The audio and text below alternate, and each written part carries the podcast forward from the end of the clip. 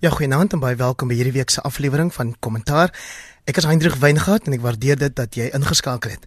Ek wil graag vanaand se program begin deur net eers erkenning te gee aan my kollegas hier by RSG en ander in die Afrikaanse journalistiek vir die ATKV media veertjies wat hulle Vrydag aand ingepalem het.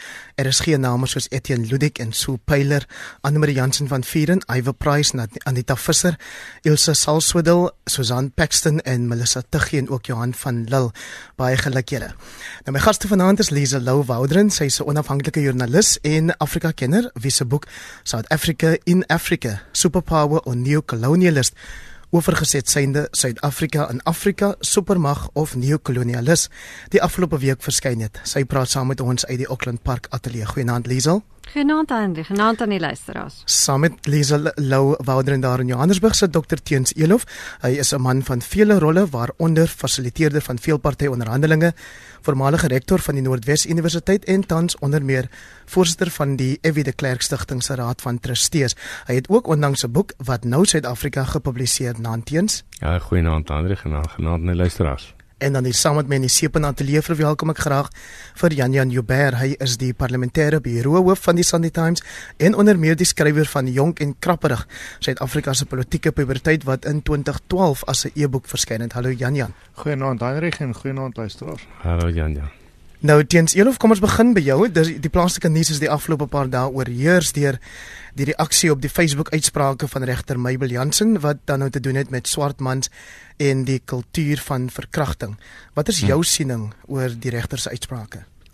Hendrik, ehm um, kan ek miskien net eers sê dat sy te jare wat gelede in in 'n uh, op antwoord uh, in antwoord op 'n vraag van 'n uh, aktivis joernalis uh, Gillian Skutte het sy klaarblyklik volgens haar eie uh, mening het sy gesê sy uh die swart mans wat sy sien in haar hoof in haar howe verkrachting het so en so en so, jy weet. Uh, sy hou vol dit gaan oor die hofsaake en nie, nie oor die algemeen nie. Maar dit is natuurlik toe nou gepubliseer en deur die Gillian Skutte nou onlangs en het die afgelope week die die hoof uh, hoofopskrifte gehaal. Nou ek dink uh, ek dink die saak is, is eintlik sub judice want sy uh, sy het gevra uh, saam met regter hoofregter Mogeng uh, om op uh, verlof geplaas te word hangende die ondersoek. So in 'n sekere sin is dit subjektief, maar is nou nie 'n regtige hofsaak nie. So mense kan seker kommentaar lewer.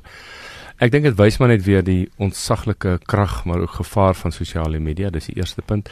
Tweede punt is dat dit ongelukkig so is dat uh, openbare persoonlikhede en dan veral funksionarisse, uh, politici, ook regters uh, kan nie regtig persoonlike menings deel met iemand nie. Uh, ek het nogal gewonder toe ek nou so 'n bietjie navorsing gedoen het oor wat sy gesê het en wat ander gesê het. Met wie praat regters oor traumatiese hofsaake waarmee hulle heeltyd besig is? Jy weet ek dink dit het, het my nogal opgeval dat veral haar as 'n as 'n vroulike regter wat baie van daai sake hanteer, uh, is waarskynlik getraumatiseer en sy sy daarop gereageer. Maar dit het ontsaglike kommentaar uitgelok negatief uh, natuurlik en uh, van die DA tot die ANC jeugliga uh wil af verstokre en ek dink die die uh die hele land sal kyk wat die regterlike dienskommissie doen wanneer daai saak voorkom. Lisa Lou, hoeveel simpatie het jy met regter Mabel Jansen?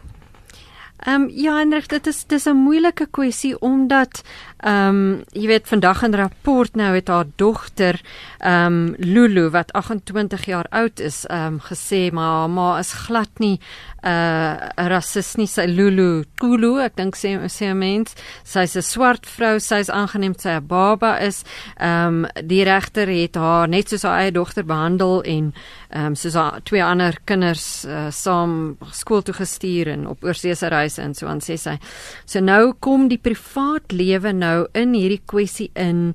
En ek dink dit maak verwar mense nou maar ek dink dit is baie belangrik om uh, te sê haar Facebook stellings en haar gesprek um, met uh uh Lilian Skutte is dit was 'n rassistiese opmerking en um vir 'n regter om juis iemand wat met uh verkrachtingssake te doen het um jy weet om oordeel daaroor uit te spreek om te sê goed oor, oordeel ons dit as reg of verkeerd. Jy weet wat ek bedoel? Ek dink dis dis miskien goed dat mense begin sê dit is 'n rassistiese stelling, nie sy is 'n rasis en sy is al vir die la, uh, laaste 50 jaar 'n rasis nie. Kan ons miskien miskien net die ehm um, debat daaroor 'n bietjie skoonmaak en ek amper sê want dit is dit is baie verwarrend al hierdie verskillende ehm um, sye van die kwessie, maar ek persoonlik dink ehm um, ek was geskok dat 'n regter ehm um, wat met uh wat oordeel moet vel oor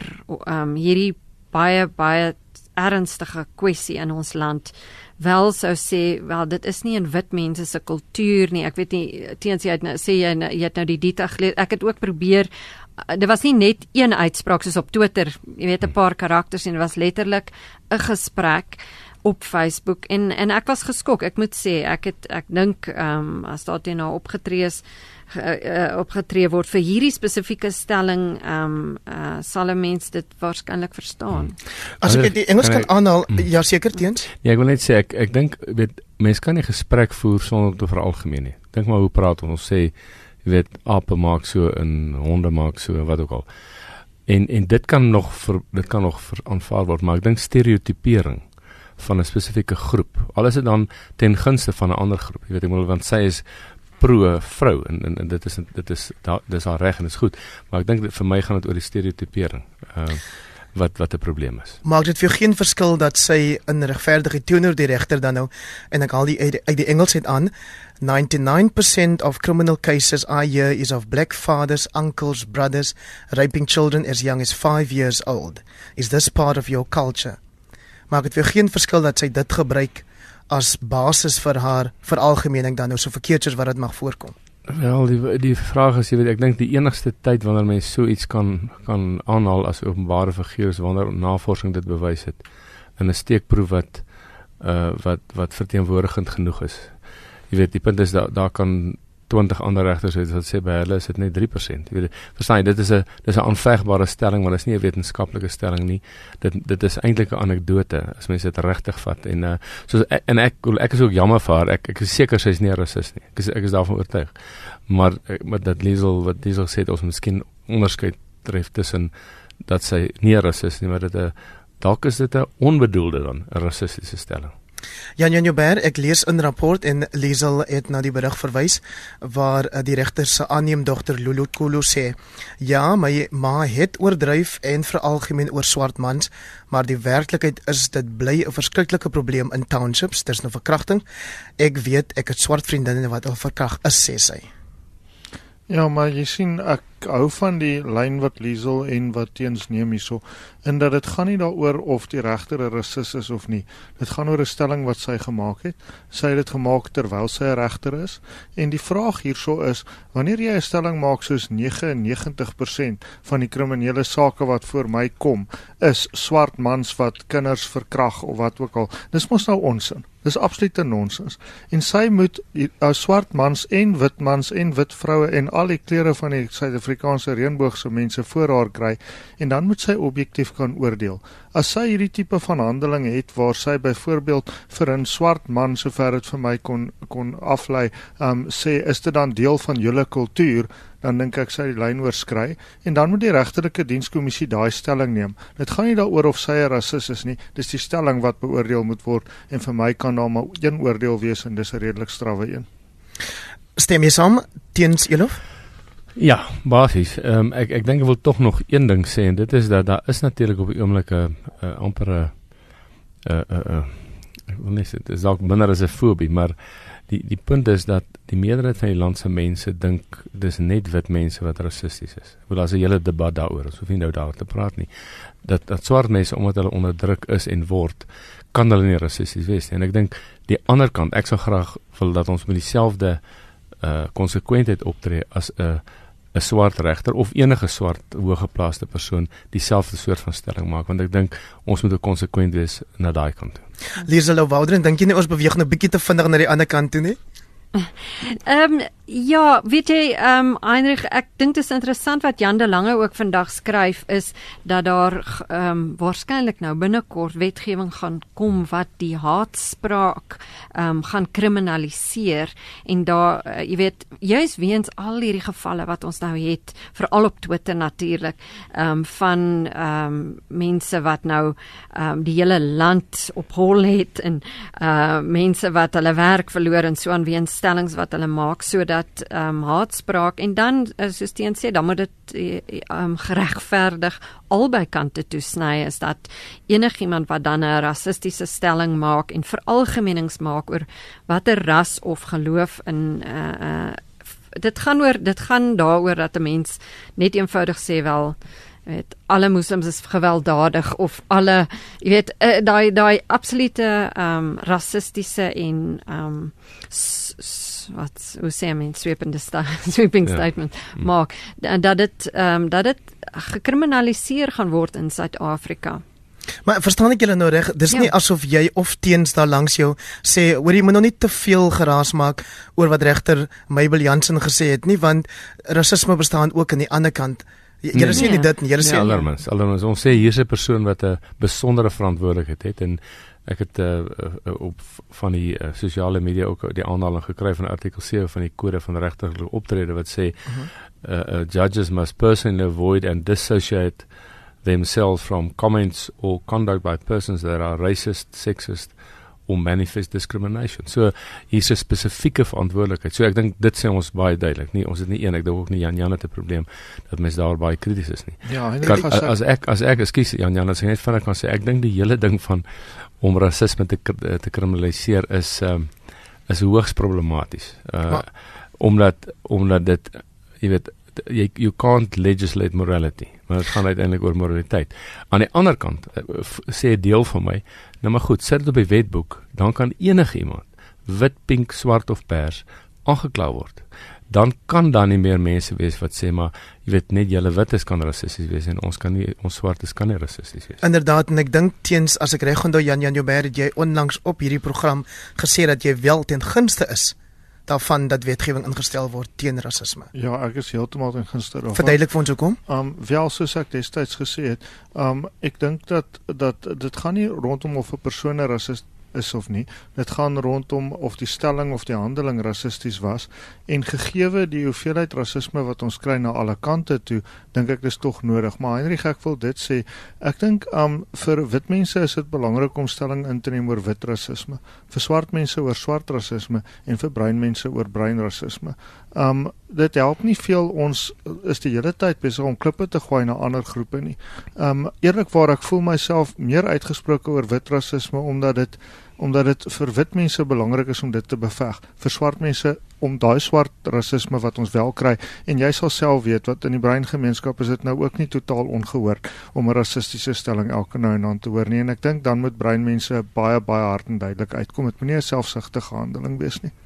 Die minister van of, of die minister Nosiviwe Mapisang Okula het hmm. na die kabinetsvergadering in die week gesê deel van die kabinet se bekommernis is juis dat as regters hierdie soort uitsprake maak dan wonder mense hoe, hoe dit hulle interpretasie van wetgewing of van van van ehm um, ja van van wetgewing dan nou sal beïnvloed wanneer hulle die dag op die regbank moet sit en 'n uitspraak moet lewer teens Elof. Ja, kyk, ek dink die regter Jansen uh, die bietjie wat ek nou vinnig gekyk het na haar haar uh, uh track record soos die Engelse sê, uh het het dit nie gewys nie, maar nou goed, mense natuurlik nie die spesifieke uh detail daarvan en ek dink dis 'n vraag wat die regterlike dienskommissie moet kommissie moet vra en waarna hulle duidelik moet kyk, jy weet. Wat wat vir my interessant was van die uh, minister die uh, waarnemende minister en die president presidentsie is dat oor die rassewetgewing het sy spesifiek gesê dat hulle is meer as baie bekommerd daaroor daar is rasisme, lees wit rasisme mm -hmm. en hulle is bang daar kom retaliasie of retaliation, jy weet 'n teenreaksie van swart mense en hulle wil dit keer. Maar daar's nie daar's nie 'n woord van dat rasisme ag nee menslike verskynsel is oor die hele wêreld nie. Het ons 'n fout gemaak teens julle want jy was tog nou betrokke by die die oorgangsprosesse in die land. Het ons 'n fout gemaak toe ons nie toe reeds hierdie soort wetgewing ingestel het nie? Kyk daar die eh, daar's 'n grondwet uh um, onderhandel nie nie wetgewing en ek dink dat die handves op menseregte uh gee genoeg gronde dat jy weet die klousule oor gelykheid onder andere nie, dis, nie diskriminasie gee genoeg grond om wetgewing of dan jy weet 'n hele 'n uh, hele stelsel van anti-rassistiese uh, jy weet wetgewing of regulasies daar te stel. Ek dink nie dit was die tyd of die plek op daai staan om een ding uit te sonder en daaroor na hulle wet te, te maak nie die grondwet gee die gee die fundament. Mhm. Mm Ja, kyk, um boonop um is dit seker so dat politici soos Nosiviwe Mapisa Nkakula of wie ook al sal natuurlik uit hulle uit hoofde van hulle eie ondersteuningsbasis probeer om die ding te kaap. Maar um ons as Suid-Afrikaners moet dit gewoon nie toelaat nie. Rasisme ken geen kleur nie.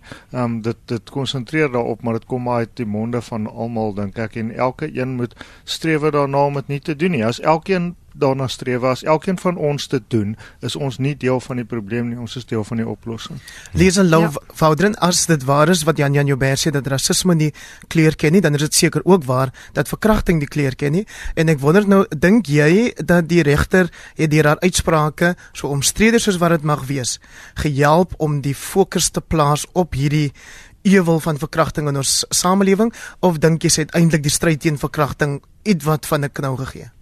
Ja nee, wat Heinrich, ek dink sy kon maar, jy weet, ek, ek dink sy het bygedra tot die stryd teen verkrachting nie.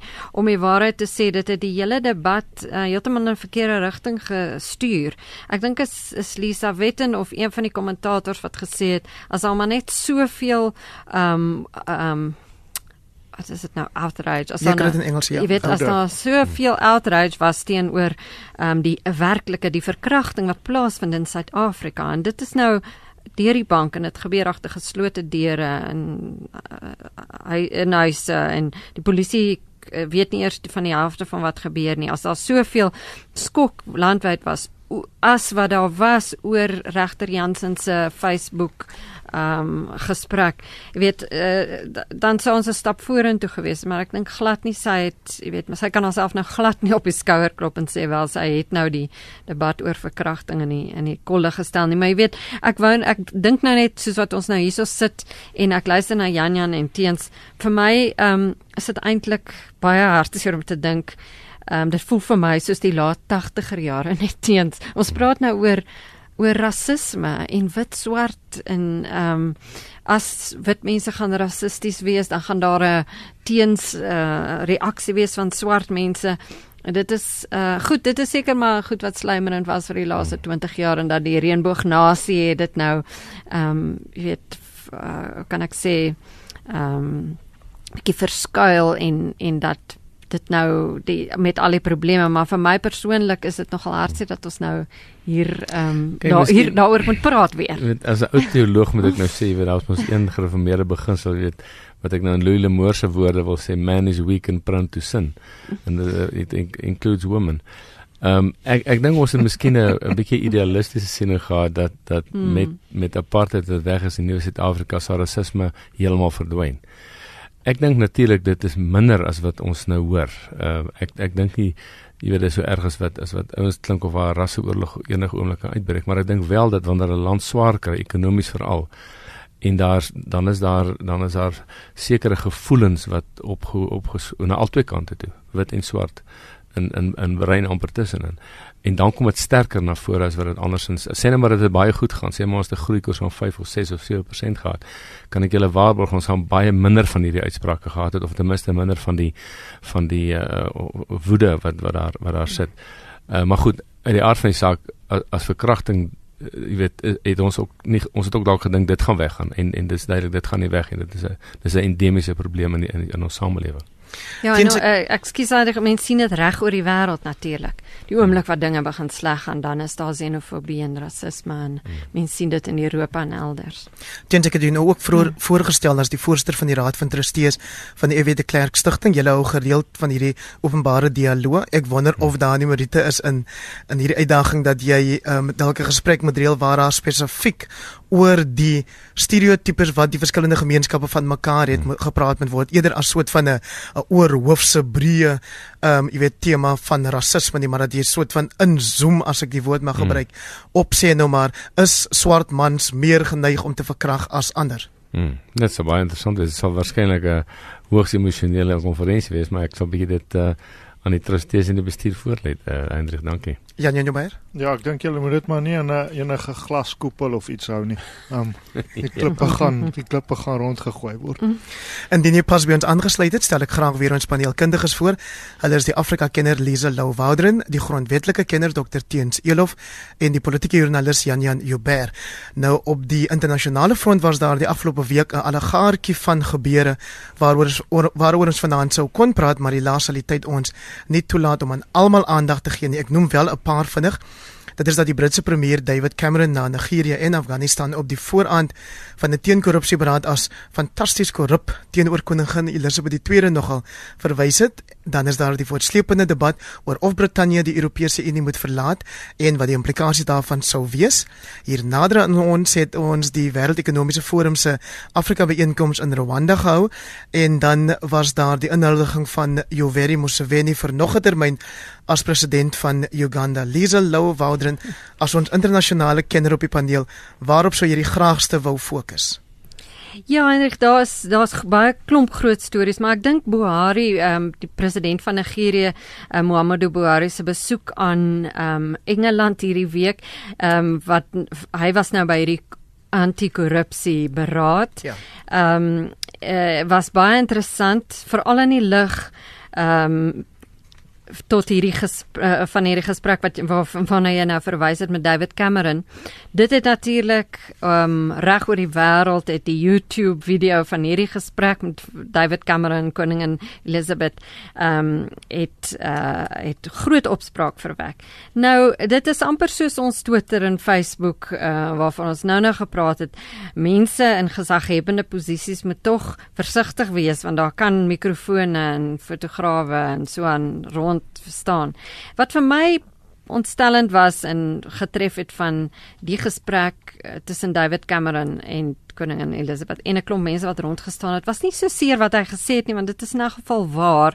Um Nigeria is iets soos 136 um op die ranglys van die wêreld se mees korrupte lande. Afghanistan nog erger.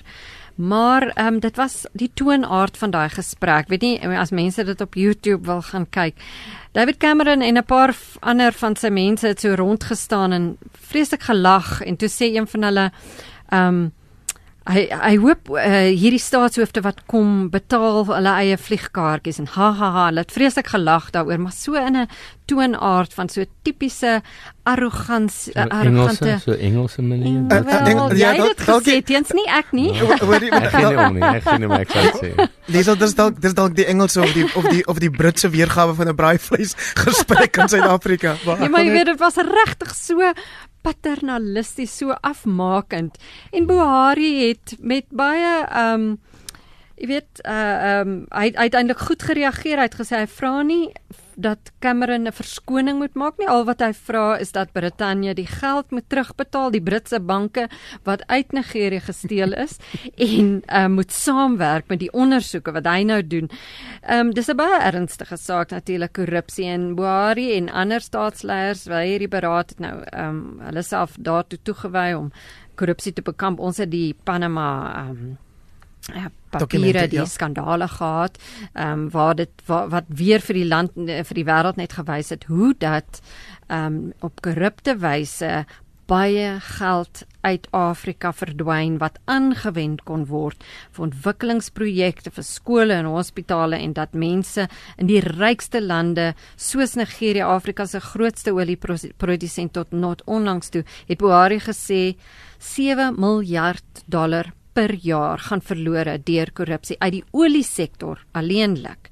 En dit ehm um, ons weet dat in die verlede staatshoofde het miljarde miljarde uit die land uitgeneem en in Switserse banke en Britse banke en Brittanje is die land wat die meeste ehm um, eilande het waar ehm um, offshore ehm um, banke is.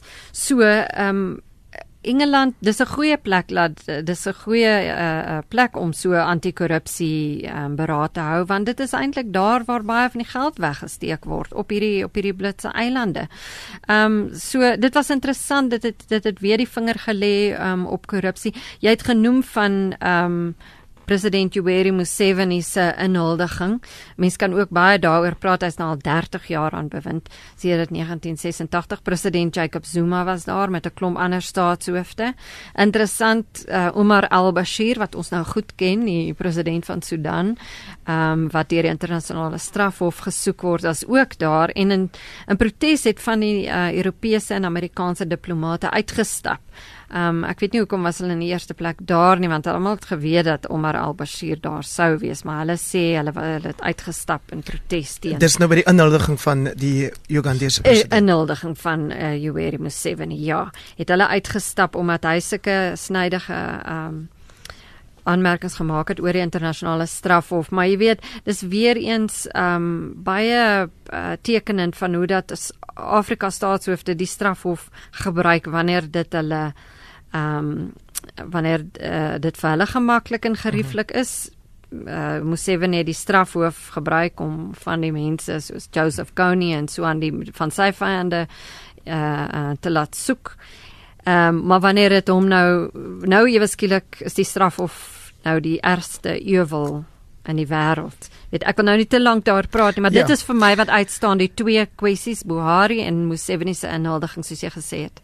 Ek hoor juist dat ehm um, of ek het gehoor op die BBC toe 'n Afrika analis Vincent Magombe van Uganda oorspronklik gepraat het oor hoe lande soos Brittanje natuurlik baie te maak het daarmee om leiers soos Museveni aan bewind te hou en by implikasie dan nou of toe te laat dat hierdie korrupsie voortgaan. Jan Janouwer. Ja, um, ek wil hom net uh, na aanleiding van vroeëre uitsprake sê dat um, soos 'n goeie Kaapse en Natalse liberaal dat van my beste vriende is Engels, so ek weet nie wat nie Brits nie, nie Brits nie Jan Jan. da, da, daarom is jy soos koning soos koningin Elizabeth die tweede glad nie beïndruk met die onbeskofte Chinese wat onlangs um blykbaar snaaks opgetree het teen die ambassadeur. Ek is meer bekommerd oor die Chinese wat visvang in ons viswaters, hmm. maar um as ek kan teruggaan na president Museveni toe, ek dink dis iets waarvoor ons baie dankbaar kan wees is termynlimite sodat niemand by ons niemand en ek bedoel niemand in spesifiek nou nie maar dat niemand 30 jaar aan bewind kan bly nie. Kan julle indink hoe erg sal dit wees? So dis 'n goeie ding en dan wat wat die Britte aanbetref nie kyk um inderdaad 'n goeie plek om dit te hou. Kyk, daai eilande daar in in die kanaal, um die Jersey eilande en so sit daar mos 'n klomp geld insluitende van 'n paar baie vooraanstaande Suid-Afrikaners. So ek hoop 'n paar besluite word daar geneem wat uh die dinge so 'n bietjie oopgooi. Dit sal interessant wees. Teens Elof is ons hier in Suid-Afrika veronderstel om bly te wees dat David Cameron nie na Suid-Afrika as fantastically corrupt verwys het nie. Ja, ek dink ons moet bly wees. Ek ek hoop nie ons kom ooit daar uit dat dit dat dit so is nie. Uh. Ongelukkig is dit is dit endemies en dis ook iets wat ons wat ons aanvaar en ek dink nie net ons wat sien nie net kritisie van die regering wat so sê nie maar dit is word uh, selfs binne regeringskringe aanvaar dat ons uh, op daai pad loop en ons moet terugkom ons moet omdraai aan daai pad. Liesel jy was ook baie krities natuurlik oor die inhuldiging van president Museveni. Ek dink ek het jou in die week gehoor op Monitor is dit nie waar nie? Ja, ek was krities oor die ehm um, regering van Rwanda wat eintlik 'n baie ongewilde ding was, president Yoweri Museveni se buurman. Ja, Paul Kagame. Paul Kagame, omdat almal nou daar by die wêreldekonomiese forum was en hande geklap het en baie baie uh, gelukkig was oor hoe dat Rwanda nou so 'n modelstaat is en ek sê wel moet uh, Rwanda is 'n modelstaat wanneer dit kom by ekonomiese groei, ehm um, hoe vinnige mense sake uh nuwe besigheid kan oopmaak en en oor vroue in die parlement Rwanda as die land met die hoogste aantal vroue in die parlement wêreldwyd eintlik maar dit is dit kan nie ehm um, jy het nou nog gepraat van termynlimite Jan Jan.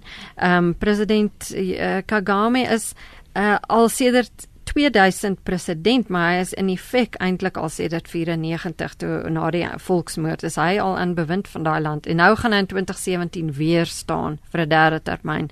So jy weet, ehm um, mens kan nie daar moet op 'n manier reg oor die kontinent met die Afrika Unie ehm um, begin om sy voet neer te sit want dit is uh, dit is 'n oorsaak van konflik reg oor Afrika. Dis nie dis nie net ehm uh, o ja, dis nou dis baie sleg dat jy 30 jaar oud kan word en dieselfde president hê. Ek stem met Jan Jan saam, dit is verskriklik wees.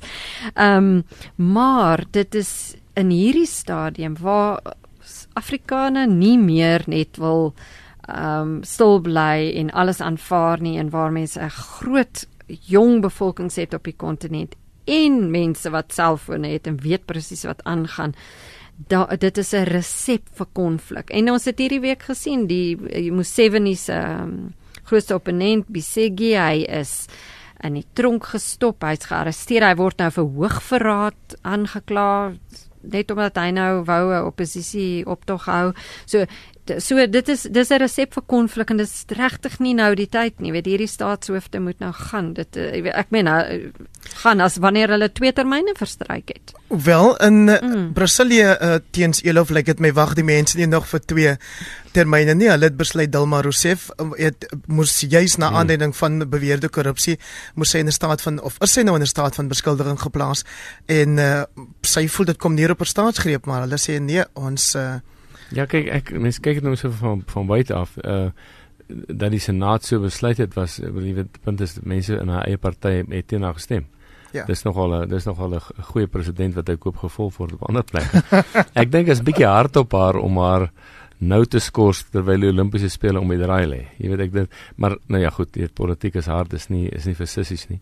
En uh, sy sal maar daai moet veg, maar ek ek moet ek, ek moet nou ook sê ons weet almal dit moet nog dit moet nog bewys word. Ja. Ehm ja. um, en dis nog nie te sê dis dis weet gedane sake nie, maar dit is 'n baie sterk boodskap dink ek aan uh, aan aan presidente oor die hele wêreld. Jan Jan Joubert gepraat van presidente reg oor die wêreld hier by ons het ons weer Vrydag gesien die Mail and Guardian het 'n berig gedra wat sê daar is blykbaar planne by die topbestuur van die ANC om vir president, president Jacob Zuma op 'n baie mooi manier uit die stoel uit te kry. Ja, as die Mail and Guardian die um Sunday Times gelees het so 3 weke terug het hulle daai selfde storie daar raak geloop. Ja. Nee, um is nou nie nie nie. Ek dink Ek dink ek dink botter kan inteen se mond nie smelt nie, maar maar dit is wel so dat dat um dat daar groot onenigheid binne ons eie regerende party is. En dit is waarom um ons nou dophou in hierdie dae van potensiële afgraderings van Standard & Poor's en daai um na planne van die valke om um miskien vir die president se ou groot nie vriend nie vyand, uh, minister van finansies Pravin Gordhan aan te tree. Um ek wil net sê dat daai hoofberig van ons van vandag um het ek nie help skryf nie, maar het ek help nagaan. En daar's 'n daar ek moet 'n vreeslike klomp oproepe vandag hanteer van mense wat baie ontsteld is dat ons dit aanroer en reken dat ons 'n kans vat. Dis nie 'n kans wat gevat word nie. Daai goed kom reg uit die kabinet uit. En ek dink um twee goed wat belangrik is hier is eerstens is natuurlik volslaa onsin um vir die volke en die president se meelopers in sy kabinet sy kornuite om daai mooi woord van Max de Pre te gebruik. Um sy kornuite soos Natin Gleko die minister van polisie ensovoort vir hulle om vir die minister te probeer aantree van finansies Pravin Gordhan, maar om dit te doen in die tyd wanneer mense hier is om te kyk na ons finansiële stabiliteit grens aan die algeheel onverantwoordelike.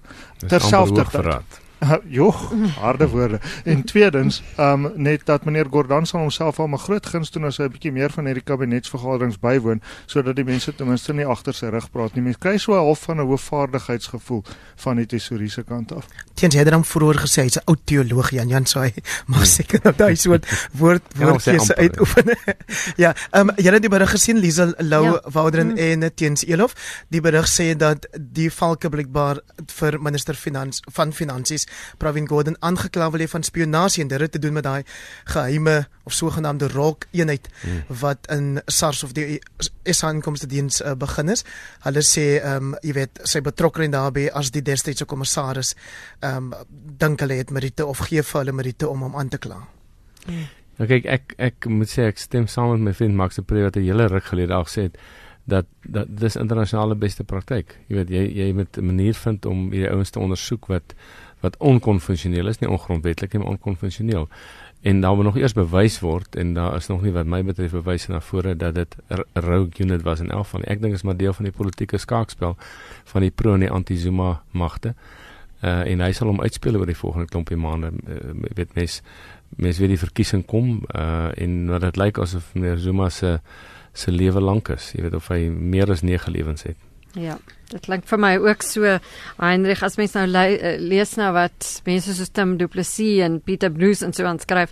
Dit het vir my 'n bietjie koue rillings ook gegee want dit klink dit klink vir my Zuma het nou nuwe asem gekry en ehm um, die manier hoe hy ehm um, opgetree het nou ehm um, rondom die kwessies soos Eskom en SAL. Ek ek veral was geamuseer deur dat hy in die parlement staan en sê as hy in ander Afrika lande toe gaan dan vra mense vir hom, hmm. maar hoekom is julle parlement so op ry op ryend en en dat die die ehm um, uh, speaker van die parlement moet nou iets daaraan doen.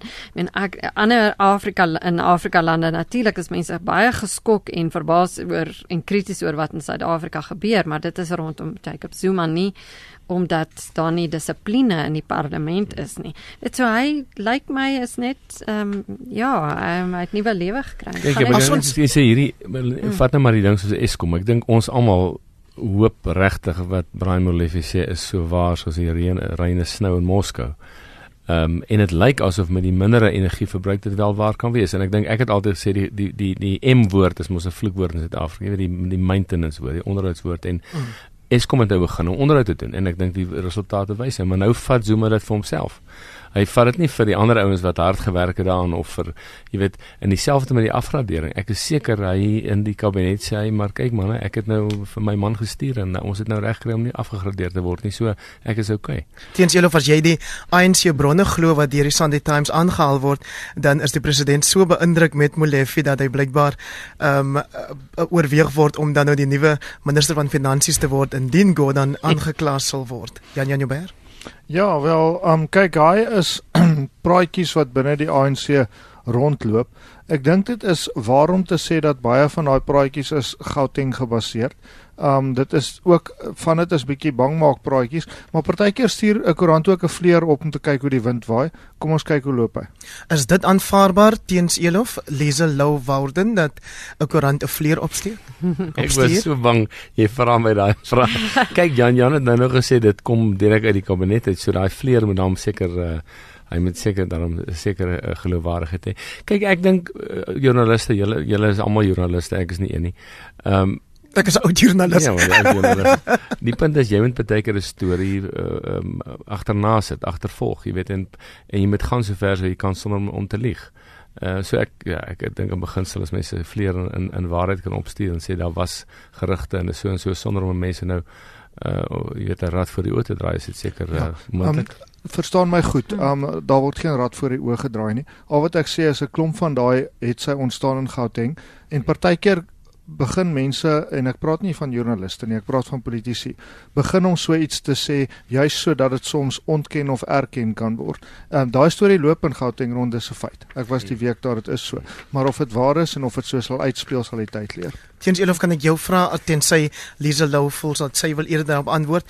Ehm um, is dit aanvaarbaar as ons sê dat president Jacob Zuma moet aanvaar dat hy dat jy weet daar's 'n ding soos die oppergesag van die van die reg, maar wanneer dit by Pravin Gordhan kom dan sê ons nie wag die valke moet terugstaan. Hulle moenie hierdie ou nou gaan staan en aankla nie want dit gaan allerlei probleme vir die land veroorsaak. Hoekom sê ons nie nou maar goed gaan voort met die klag, handel dit af en ons kyk of hy enige waarheid insteek nie. Kyk, ek dink bitter min mense wat ek ken wat regdenkend is sal sê Provin Gordon is boek aan die wet of boek aan die reg, jy weet. Ek dink die kwessie is hierdie is 'n politieke spel om hom te diskrediteer uh in om om hom besig te hou, jy weet en so ek ek ek dink uiteindelik moet mense sê net maar kom na vore met met julle met die bewyse. Uh so jy weet da, niemand ek dink nie niemand sê dit, uh, dit moet nie op hom van toepassing wees nie.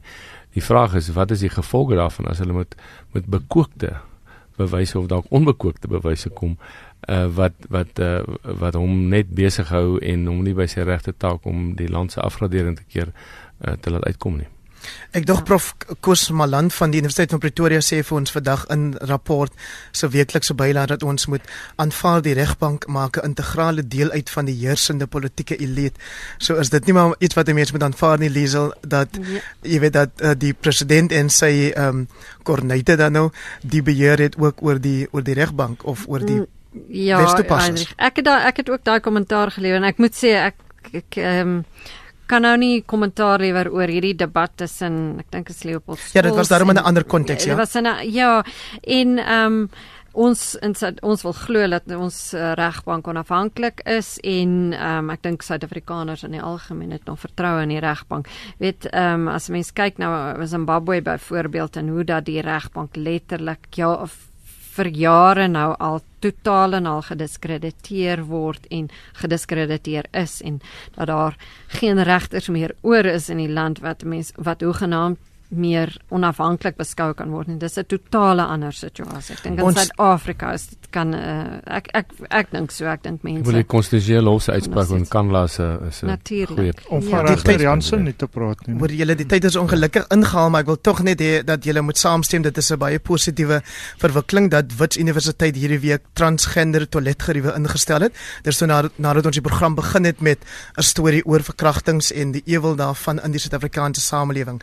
Dis die einde van kommentaar vir vanaand. My paneel het bestaan uit Jan Jan Joubert van die Sunday Times, Lisa Lou Woudren wat 'n joernalis is en 'n Afrika kenner en Dr Teens Elof wat onder meer 'n grondwetlike kenner is. Onthou jy kan na hierdie program weer luister as 'n potgooi op rsg.co.za. Ek groet tot volgende week.